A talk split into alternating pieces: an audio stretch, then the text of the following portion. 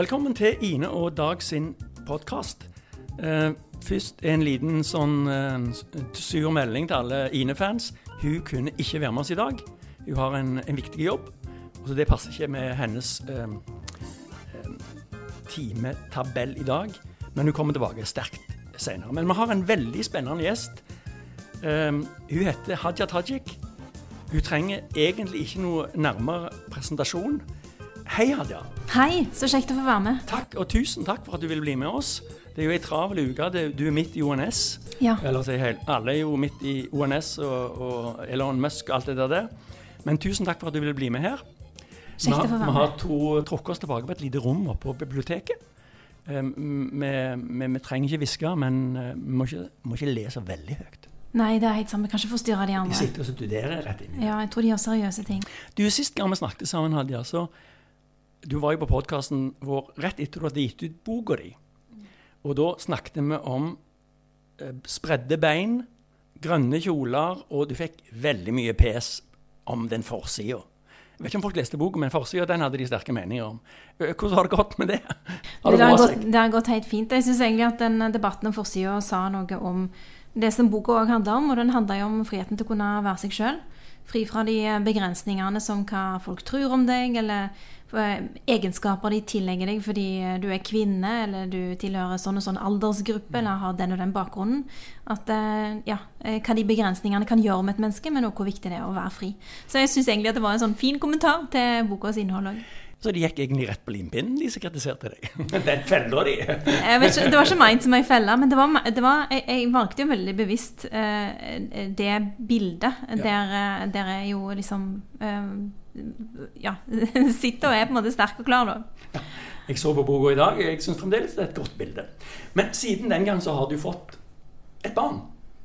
Um, du har ei lita datter på halvannet år. Sofia. Ja. Hvordan går det? Du, det går veldig fint. Hun var faktisk inne i magen når det bildet ble tatt.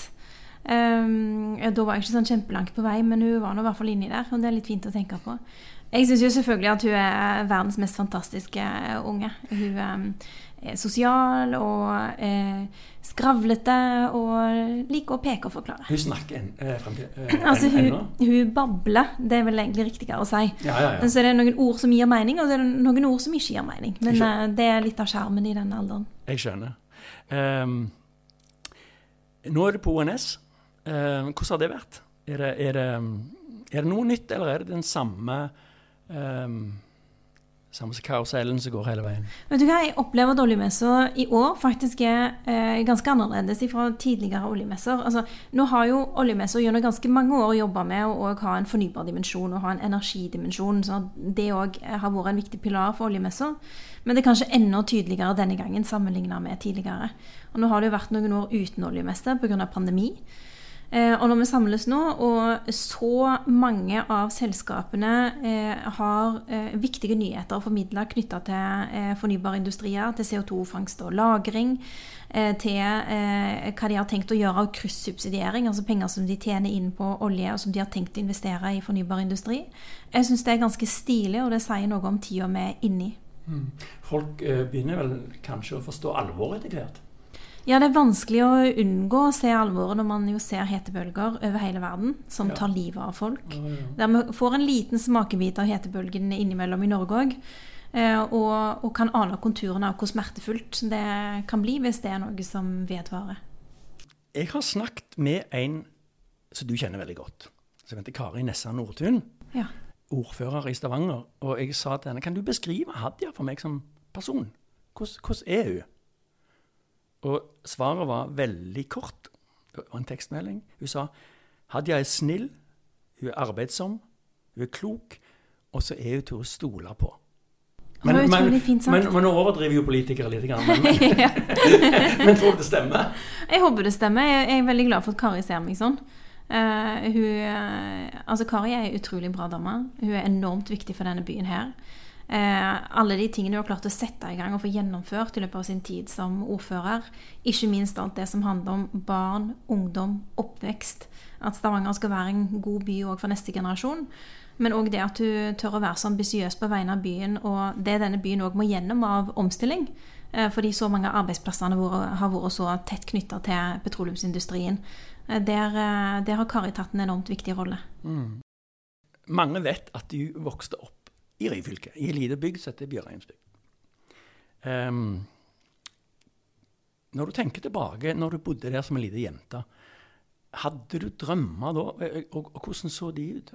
Var det politikk, eller hva var det du Altså, Jeg drømte i hvert fall ikke om å bli politiker, eh, for det visste jeg nesten ikke hva var. Var det altså, popstjerne, eller? eller hva var det liksom Nei, altså det, det første eh, liksom litt sånn seriøse drømmen som jeg kan huske at jeg hadde, og da sier jeg seriøs fordi jeg, jeg vet jo at jeg òg drømte om å bli pottemaker, for det hadde jeg sett på TV, og det så utrolig stilig ut. Og jeg tenkte det har jeg lyst til å drive med, og så sa jeg det til mamma, og så var mamma litt sånn Men, men at det var liksom ikke at jeg burde strekke meg litt mer, da. Og den litt mer sånn seriøse drømmen jeg da hadde, det var at jeg hadde lyst til å bli sivilingeniør. sivilingeniør. Og det hadde jeg lyst til fordi jeg hadde en onkel i Pakistan som var sivilingeniør. Og han syntes jeg var en veldig, altså, veldig bra onkel. Jeg syntes han var altså, altså, veldig, veldig bra. Sånn ville jeg òg være, tenkte jeg. Mm. Eh, og det måtte jo bety at da måtte jeg bli sivilingeniør. Det er bare én liksom, hake ved, ved, den planen, og det er at det interesserte meg overhodet ikke sånn rent faglig. Eh, så det la jeg jo fra meg eh, på et eller annet tidspunkt underveis. Altså, Kona mi eh, har jo sånn et eh, pottemagerhjul i, i, kjelleren. Ja. Og, og, når hun får nå høre at eh, du vil bli pottemager, så får du et lite ekstrapoeng. Ja, men det er herlig å høre. Jeg har dessverre fortsatt ikke fått testa ut disse pottemakerdrømmene mine. Du kan jo komme hjem til oss, så skal du få prøve sånn jul. Ja, det vil jeg veldig gjerne. Jeg har prøvd mange ganger, og alt jeg lager, ser ut som en klump. Picasso, ja. Picasso kom på banen. Ja, det er veldig bra. Med andre ord, det holder veldig høyt nivå. Veldig. Ja. Um, du, jeg husker Vi har jo vært sammen um, en del i forbindelse med å lage filmer og sånt i forskjellige valgkamper.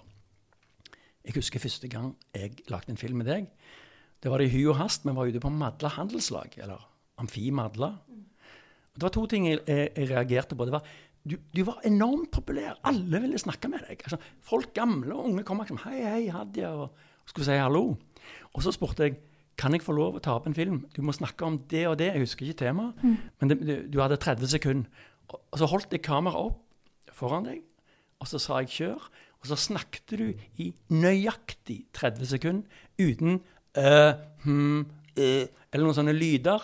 Og det var klart og tydelig har du alltid hatt den egenskapen? Snakket du sånn til læreren din i, i Bjørnsbygd? Utrolig kjekt at du liksom opplevde meg på den måten, da. Um, det var jo en drøm for jeg skulle klippe dette. Det var jo bare klipp, klipp, ferdig. Altså jeg tror at hvert fall når jeg gjør sånn jeg si, jobbrelaterte ting, at jeg da er uh, relativt påskrudd. Men jeg snakker jo ikke sånn med vennene mine. Jeg håper ikke jeg høres ut som en sånn Altså, Vi har en litt annen stemme når man er i debatt eller skal spille inn en sånn der klar og tydelig politisk film, mm. uh, enn den stemmen jeg har når jeg snakker med ungen min, f.eks., eller mannen min. Mm. Der er jo stemmen litt sånn hva har du gjort i barnehagen? Har du kosa deg? ja. det, det, det jeg håpte egentlig, for Det var litt rart hvis du sa til, til, til lille Sofia eh, Først vil jeg bare si Ja. da tror jeg jeg hadde snakket med barnevernet. Du, mange vet at du representerer Rogaland på eh, vårt store ting. Og eh, hva er, hva er viktig for deg på vegne av Rogaland akkurat nå? Det aller aller viktigste, som overskygger egentlig alt annet, det er den rollen som Rogaland har knytta til energiomstillinga som hele landet vårt skal gjennom. Men der vår region er den aller viktigste motoren, fordi det er vi som gjennom mange tiår har bygd kompetanse på først og fremst petroleum, eh, men på det som, som vil være fundamentet for å kunne lykkes med investeringer i fornybare industrier. Eh, og det er veldig viktig at vi klarer å bygge videre på den kompetansen som finnes her. Så det å sikre at nye investeringer i fornybar industri at de, for, altså, at de fortsetter å skje i vår region, at man satser på regionen vår, får brukt de arbeidsfolka og den kompetansen som vi har klart å bygge opp gjennom så mange år, eh, til å skape noe nytt, det kommer til å være helt avgjørende. Det var mange som fikk litt sånn kaffen i halsen når, når det var i går, var det vel, eller i forgår, Erna Solberg var i avisen sa at ONS kanskje var for stort for Stavanger. Ja, altså det er typisk bergensere å si. Jeg bare, jeg bare kjente, jeg leste det så jeg bare tenkte at det er så uakseptabelt. Men du henta seg inn igjen i ja. setning to eller tre og liksom prøvde å si at, eh, at Arendalsuka òg var for stor for Arendal. Men det er liksom sånn Det var journalisten som sa det. Ja, det var kanskje det. Ja, Ja, nei, altså Jeg bare tar avstand fra bergensere som kommer til Stavanger og har eh, meninger om byen vår. Så skal vi være enige om det at bergensere de må ta seg ei pære. Ja, det må de. Du, um, du har jo hatt mange politiske roller.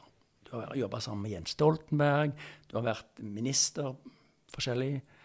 Um, men som politiker, som, som fagperson, altså det er jo et fag å være i politikken, hva, hva er det beste, hva er din, dine sterkeste egenskaper? Eh, jeg tror jeg er ganske god på å eh, sortere masse informasjon. eh, og sortere det som er relevant ifra det som er irrelevant. Um, og det tror jeg er viktig. Altså Som politiker så serveres du mye påstander og mye informasjon hele tiden. Uh, og du må hele tiden forsøke å uh, uh, altså, eh, bruke det som er nyttig, sortere vekk det som er unyttig, og klare å bane vei politisk for de sakene du vil ha gjennomslag for. Får du mye mail og meldinger om, om ting som du bare tror er litt sånn Det der er ikke sant, men folk som prøver å påvirke deg? Det er folk som prøver å påvirke politikere hele tiden. Eh, og, og noen av de er jo enormt pengesterke og har satt både konsulentfirmaer og advokatbyråer og eh, sine beste hoder på å utvikle en argumentasjon som skal utløse mest mulig penger fra politisk hold. Og det er jo da fellesskapets penger de, de gjerne vil at man skal liksom, gjøre tilgjengelig for dem. Eh, Så eh, ja, vi blir forsøkt utsatt for påvirkning hele tiden. Det betyr ikke at alt eh, lobbyaktører sier er usant, men det betyr i hvert fall at vi må hele tiden ha i bakhovet bakhodet at de har en agenda når de snakker med oss, og at det kan være deler av bildet som de da ikke gir oss, så vi må skaffe oss på andre måter. Så har vi jo gått inn i den alternative fakta-tidsalderen òg. At folk ser jo på, på ting med helt forskjellige briller og mener de har fakta. Jeg, jeg eh, tenker spesielt på, på klimafornektere, f.eks. Ja. Det, det er eh, kanskje litt for langt å gå inn på eh, som tema. Men du, vi snakket om sterke sider. Du er flink til å sortere, forholde deg til informasjon. Svake sider, har du det? Hva er Hadia elendig på? Jo da, jeg er elendig på mange ting. Eh, Altså, jeg jeg kan irritere meg over ting som kanskje ikke er verdt å irritere seg over. Men jeg kan f.eks. irritere meg over hvis noen kommer uforberedt til eh, møte med meg. Eh, da tenker jeg at da kunne jeg heller brukt den tida mi på noe annet. Enn å eh, Hisser deg litt opp, da? Altså, i hvert fall, Jeg kjenner i hvert fall at jeg kan bli irritert inni meg, og så prøver jeg jo å ikke la det liksom, eh, forstyrre selve møtet. Men eh, det er noe med å ha en fornuftig energibruk. Så det, det er ikke alltid det er verdt å irritere seg over. Så du går ikke ut på balkongen og brøler da etterpå? sånn? Nei, men jeg kan noen ganger si åh, måtte jeg bruke tid på dette her. Det kan jeg liksom si til noen andre etterpå når møtet er over. Tenk på eh, Det er kanskje litt eh, rart spørsmål, men du tenker gjennom alt du har drevet med, alle møtene, alt du har gjort i, i politikken. Hva er det aller kjekkeste du har vært med på? Nå tenker jeg ikke på sånn fest etter et landsmøte eller noe sånt, men det rent politiske Altså Rent politisk er noe av det kjekkeste å få gjennomslag. Jeg skal Ja. gi deg to kjappe eksempler. Det ene er eh, altså, Det første gjennomslaget jeg på en måte kan huske litt sånn ordentlig av betydning.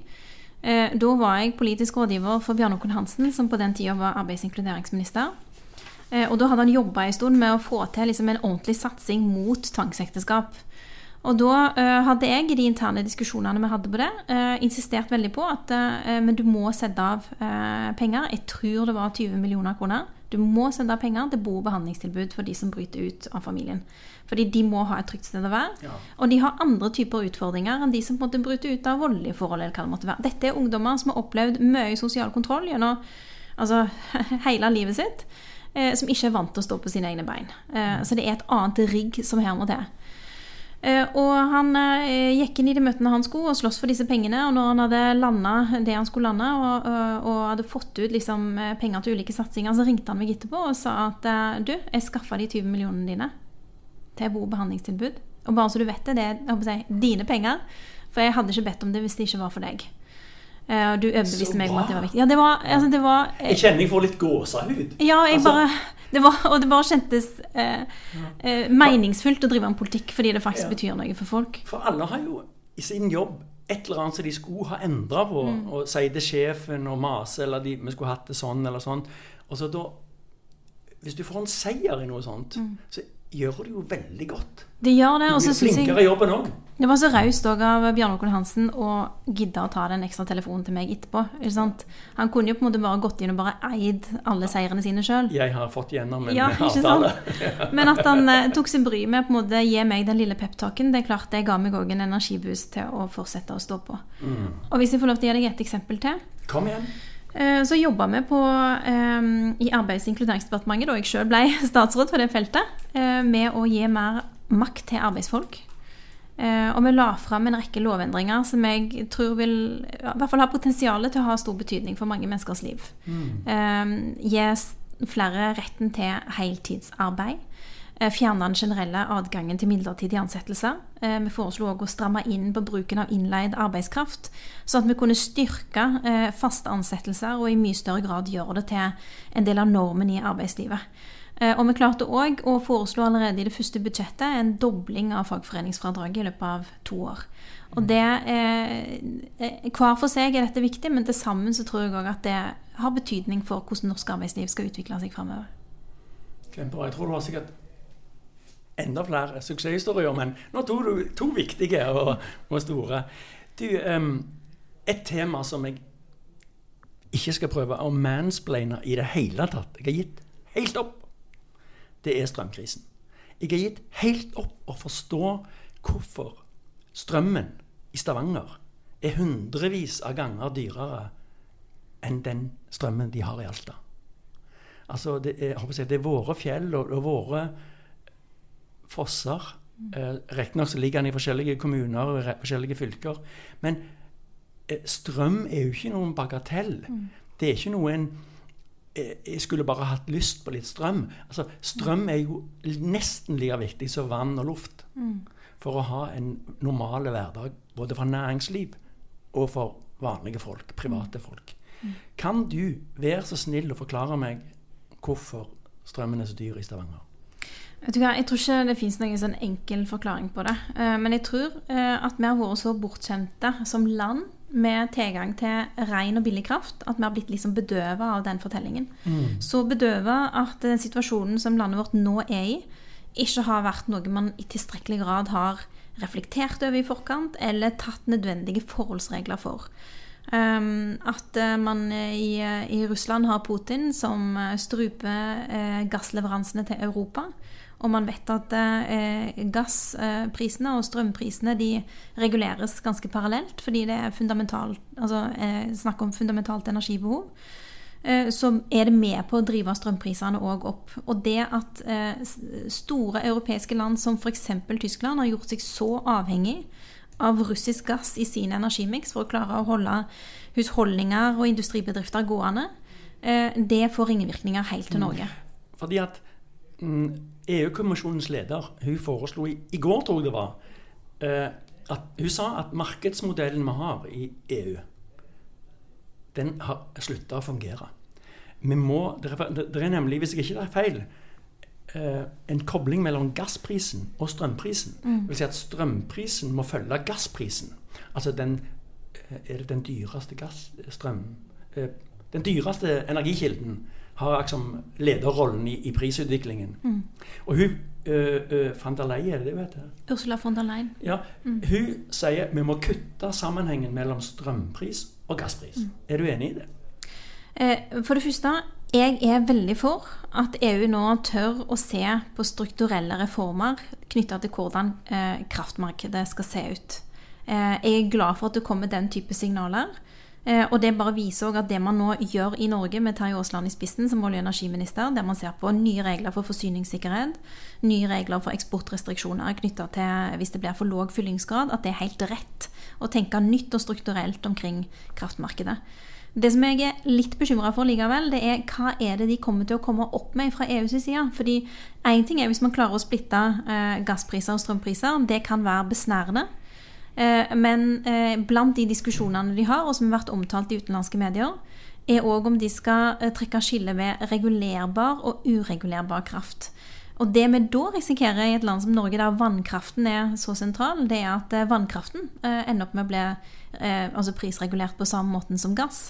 Og da er det veldig mange andre land som vil ha si, bedre strømpriser enn det vi har i Norge. Mm. Og det vil svekke det som har vært en helt sentral konkurransefordel for oss i mange tiår. Ja. Så selv om jeg er positiv til at vi nå ser på strukturelle reformer, så skal vi vi skal følge de reformene der skikkelig tett. Og jeg mener, her, her uh, tror jeg det er mange av oss som skulle ønske at Norge kunne vært på innsida av rommet når EU-landene møtes for å diskutere dette her, og ikke bare stått på utsida og skrapt den døra. fordi det å legge premissene for de debattene der, det, det kommer til å ha avgjørende betydning for, for hele kraftsituasjonen for, for, Norge og andre europeiske land, land i mange, mange år framover. Eh, eh, mitt bys barn, Mimir ja. Eh, han skriver jo ganske ofte i avisen, og her på mandag så skrev han um, jeg, skal sitere det så det blir riktig. Skal suldøler, jærbuer og andre nordmenn få levelige strømregninger, nytter det ikke å rasere mer av naturen i Rogaland. Da må vi ta tilbake kontroll over krafta. Mm. Han ble litt nynorsk på slutten. Mm. Eh, eh, har han et poeng? Altså, har vi mista kontrollen? Jeg mener at kraftmarkedet i Norge, det, Norge er underregulert. Det er behov for flere reguleringer. det er det han mener? Ja, eh, mer regulering. Ja, men hva i alle dager mener egentlig Rødt når de sier mer regulering? Altså, Hva i alle dager mener de? Fram til ganske nylig så har de jo eh, framstilt det som at de ønsker å kutte utenlandskablene, og mener at det vil være si, den tryggeste veien for Norge. Det er litt vanskelig å se for seg at det skal være så veldig trygt, når vi vet at Norge i en del sammenhenger har vært avhengig av nettoimport av strøm. Eh, og når vi òg har eh, framskrivninger som tilsier at eh, Sør-Norge risikerer å gå med kraftunderskudd fra 2026, så er det ikke så lurt å putte seg i en situasjon der man ikke har muligheten til å importere hvis man faktisk trenger det. Og, Rødt har heller ingen plan for utbygging av kraft. De er imot havvind, enten det er på land eller det er ute på sjøen. Eh, og olje- og gassindustrien har jo heller ikke kunnet stole på politikken til Rødt. Mm. Eh, og der mener jeg at vi i Arbeiderpartiet må eh, altså, ta, ta, rollen som den som lager en nasjonal plan for kraftutbygging for de neste åra. Mm. vi er nødt til å tenke helt systematisk på hva det er vi kan gjøre som kan utløse mest mulig kraft med minst mulig inngrep. Eh, og størst mulig eh, altså, eh, altså, tilgang til kraft. Mm. Og Enten det er snakk om å oppgradere vannkraftanlegg, eller det å gjøre det mer attraktivt å og f.eks. ha vindkraft på land, de stedene man ønsker å ha det. At man får utløst skatteinntekter som gjør at man tenker at ok, vi har ulempene, men vi har jaggu meg fordelen òg. Jeg har lyst til å skifte tema litt. Mm. Det begynner å sakke mot slutt. Jeg sitter og ser på klokka, for jeg vet du, ja. du, du er så travel! du skal ikke alle plasser. Um, for noen dager siden så Jeg følger deg jo på Facebook. Da hadde du kommet med en ytring om uh, rundt Salman Rushdie, som nettopp ble forsøkt uh, drept. Uh, han har heldigvis ikke, Han overlevde og, og kommer seg nå dag for dag. Og det handler om ytringsfrihet. Og Jeg vil gjerne lese det som du skrev. Det tar bitte litt tid, men jeg leser sitat. Som student i 2005 hørte jeg et foredrag Salman Rushdie holdt i London om hvorfor det er viktig at ytringer er så frie som mulig.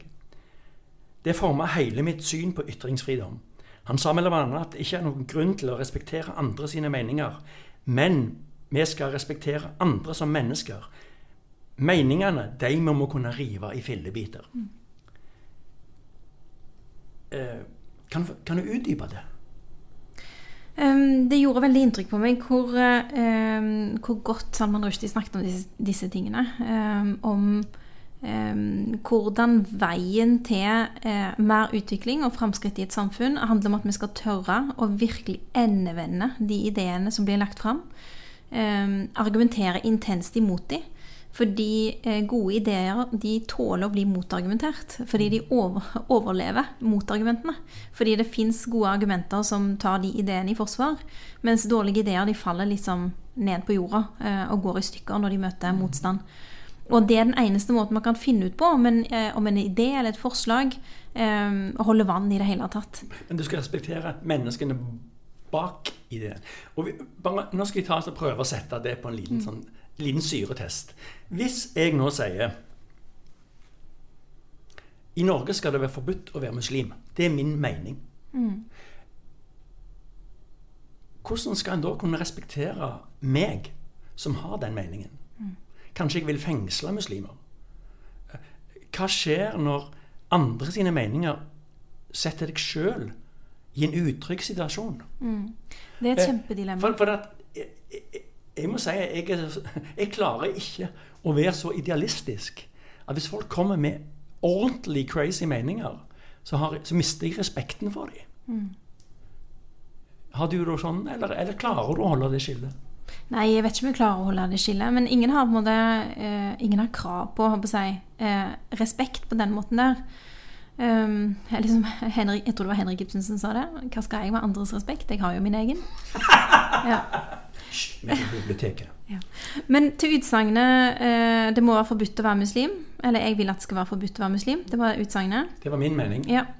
Eh, altså Sånn som lovverket er i dag, så, eh, og jeg mener det er riktig, eh, så er det lov å si det. Ja, det, er veldig tro. Ja, Det er bare hvis du sier 'jeg syns man burde slå muslimer', 'jeg har en plan om å slå muslimer', jeg syns muslimer burde dø, og det har jeg tenkt å gjennomføre. Altså, det eh, altså formuleringer som eh, handler om å oppfordre til vold og drap, eller komme med trusler om vold og drap. Eh, Det er jo der den juridiske grenseoppgangen går. Så jussen i det er jo veldig tydelig, men det, den sosiale musikaliteten i det er jo mye vanskeligere. Og hvordan vi bevarer et offentlig ordskifte der det er fullt ut lovlig å si akkurat det, men der det kan likevel virke veldig skremmende på ganske mange mennesker at det blir sagt, at det får autoritet, at det får plass i det offentlige ordskiftet, det er en, det er en mye vanskeligere balansegang enn jussen i dette her. Mm. Og jeg har ikke noe enkelt svar på det. Um, Men jeg skulle, jeg skulle ønske at altså Redaktørstyrte medier er jo veldig, veldig klar over at de har en helt spesiell posisjon. De har iallfall pleid å ha det. Nettopp fordi de er redaktørstyrte. eh, Og de har kunnet sette dagsorden og kunnet forme det offentlige ordskiftet. Nå formes jo det offentlige ordskiftet av veldig mange andre eh, arenaer òg. Ikke minst sosiale medier, som i stor grad har en kommersiell inntjeningsmodell som baserer seg på at man skal bli sinte på hverandre. eh, Og ha et eh, høyest mulig støynivå. Og kanskje kan det noen ganger òg smitte over på prioriteringene til de tradisjonelle mediene og de redaktørstyrte mediene. Ja. Eh, eh, Det var vel kanskje Rushdie som sa at uh, eh, han kunne være eh, uenig, men, eh, men Hvordan var det han sa det? Det, han ville ikke, han ville aldri skutt dem. Ja, Altså, han, han, vil argumentere, men, men det, det, det stopper liksom med med, med vold. med vold. eh, Og, og, og ja, det er vanskelige ting, dette her. Altså. Det er kjempevanskelig, Det er og det er en av de virkelig store tingene i vår tid. er Ja. hvordan vi skal klare å skape et offentlig ordskifte der unge mennesker f.eks. føler at de kan delta uten at de risikerer å bli utsatt for hets og utfrysing. Ja, eller altså- folk med innvandrerbakgrunn, eller folk som skiller seg ut på et eller annet vis. Og det kommer jo fra, altså I USA nå så er det jo full bananas utvikling i forhold til bøker. Gamle helter i historien, den amerikanske historien. som De river ned statuer, og de, de revurderer på en måte i gåseøyne sannheten om sin egen fortelling hele veien. Kjempevanskelig. Det er kjempevanskelig. Jeg tror det i og for seg kan være sunt å snakke om hva er det vi har trodd at var sant og riktig i dette samfunnet. At man med jevn mellomrom har den type diskusjoner. Um, Ja, det det- trenger ikke, trenger ikke i og for seg å være farlig. Du, eh, vi må begynne å eh, snurpe noten igjen her. Eh, vi skal tilbake til den boka di, den med, med spredde bein. Sitter du forresten skikkelig nå? Jeg det godt, jeg. Ja, det er bra. Det er bra. Eh, Tom Hetland skriver om denne boka. Hadia Tajik, reflekterer klokt, åpent og nysgjerrig om det meste. Hadia Tajik har skrevet en uvanlig politikerbok. Og for det første, boka er sjelden godt skrevet. Det var hyggelig. Ha, ha- har du tenkt å skrive flere bøker? Kan vi gå og vente på nye kjoler? Altså, jeg syns det, det er veldig kjekt å skrive. Altså, før jeg eh, begynte å drive aktivt med politikk, så var det jo skriving jeg drev med. Jeg trodde jeg skulle bli journalist. Ja. Eh, Så jeg har eh, selvfølgelig lyst til å fortsette å skrive. Men hvilken form den skrivinga kommer til å ha, om det kommer til å være kronikker eller om det kommer til å være bok, det er litt for tidlig å si, egentlig. Kan jeg ha noe med altså, jeg, jeg nevnte denne klarheten, at du var så flink å formulere deg med en kamera foran. At det er en sammenheng mellom den egenskapen og det å kunne skrive godt. Det kan At det kommer fra den samme plassen oppi Det kan hende. Det er i hvert fall noe jeg syns er kjempekjekt. Um, jeg syns det er kjempekjekt å leke med ord og finne ulike formuleringer og prøve å være mest mulig presis. Uh, samtidig som jeg, prøver å lure inn mest mulig liksom, informasjon og mening inn i en setning. Det, ja, Vi finner glede i så mye forskjellig. Noen liker å spille fotball, jeg liker å sitte og skrive.